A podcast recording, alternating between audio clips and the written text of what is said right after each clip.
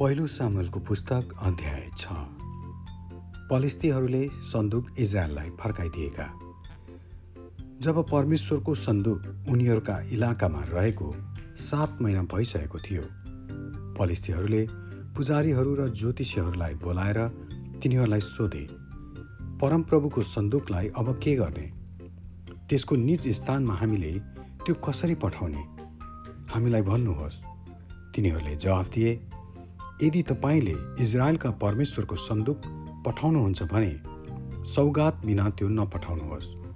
तर उहाँको निम्ति दोष बलि अवश्य पठाउनुहोस्। तब तपाईँहरू निको हुनुहुनेछ र उहाँले आफ्नो हात तपाईँहरूबाट किन हटाउनु भएन जान्नुहुनेछ। उहाँलाई हामीले कस्तो दोष बलि पठाउने? पलिस्थीहरूले सोधे तिनीहरूले यस्तो जवाब दिए।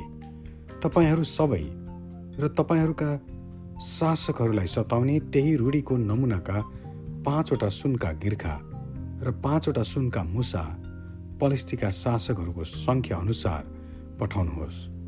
तपाईँहरूका गिर्खा र देशलाई विध्वंस गर्ने मुसाहरूका नमुना बनाउनुहोस् र इजरायलका परमेश्वरलाई महिमा दिनुहोस्। सायद उहाँले तपाईँहरू तपाईँहरूका देवताहरू र तपाईँहरूको देशबाट आफ्नो हात हटाउनुहुनेछ। तपाईँहरू किन फारो र मिश्रीहरू जस्तै हटी हुने? उहाँले उनीहरूप्रति कठोर व्यवहार गर्नुभएपछि उनीहरूले इजरायलीहरूलाई आफ्नो बाटो जान दिएका होइनन्।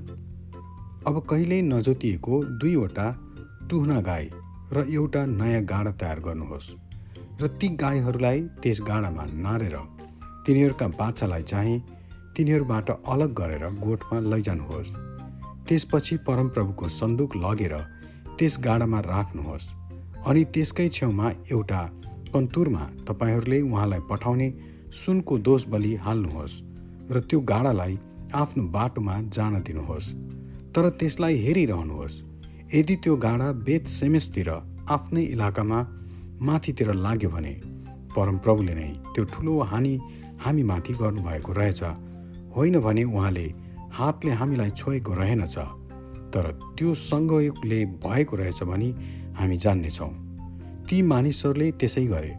उनीहरूले दुईवटा गाई ल्याएर एउटा गाडामा नारे र तिनका बाछाहरूलाई चाहिँ गोठमा थुनी राखे तब उनीहरूले कन्तुरमा भएका सुनका र गिर्खाका नमुनाहरूका साथमा परमप्रभुको सन्दुक गाडामा राखे।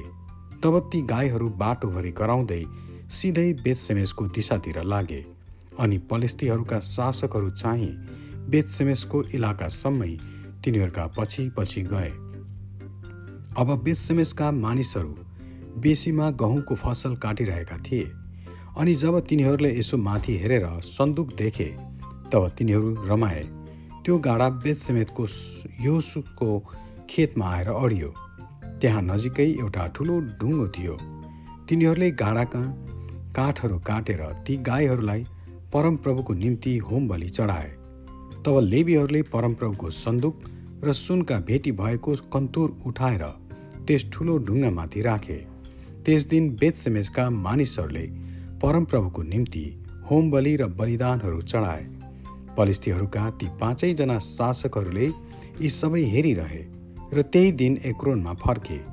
ती सुनका गिर्खाहरू जुन चाहिँ पलिस्थीहरूले दोष बलिको निम्ति पठाएका थिए ती अस्तोद गाजा अस्क्लोन गात र एक्रोन हरेकको निम्ति एउटा एउटा थियो। सुनका मुसाहरू चाहिँ पर्खाल भएका सहर र तिनका बस्तीहरू जहाँ ती पाँच शासकहरूले शासन गर्थे ती सबै सहरहरूको सङ्ख्या अनुसार थिए। त्यो ढुङ्गो ठुलो जसमा तिनीहरूले परमप्रभुको सन्दुक राखे त्यो बेसेमेसका योसुको खेतमा आजको दिनसम्मै साक्षीको रूपमा छ। तर परमप्रभुले बेतसेमेसका केही मानिसहरूमध्ये सत्तरीजनालाई मार्नुभयो किनभने तिनीहरूले परमप्रभुको सन्दुकभित्र हेरेका थिए। परमप्रभुले यस्तो ठुलो विनाश ल्याउनु भएकोले मानिसहरूले विलाप गरे र बेतसेमेसका मानिसहरूले सोधे परमप्रभु यी पवित्र परमेश्वरको उपस्थितिमा को उभिन सक्छ? यहाँबाट यो सन्दुक कस कहाँ जानेछ? तब तिनीहरूले क्रिएत एरिम बासिन्दाहरूलाई यो समाचार पठाए। पलिस्थीहरूले परमप्रभुको सन्दुक फर्काइदिएका छन्। तल आएर त्यो तपाईँहरूको ठाउँमा लानुहोस्। आमेन।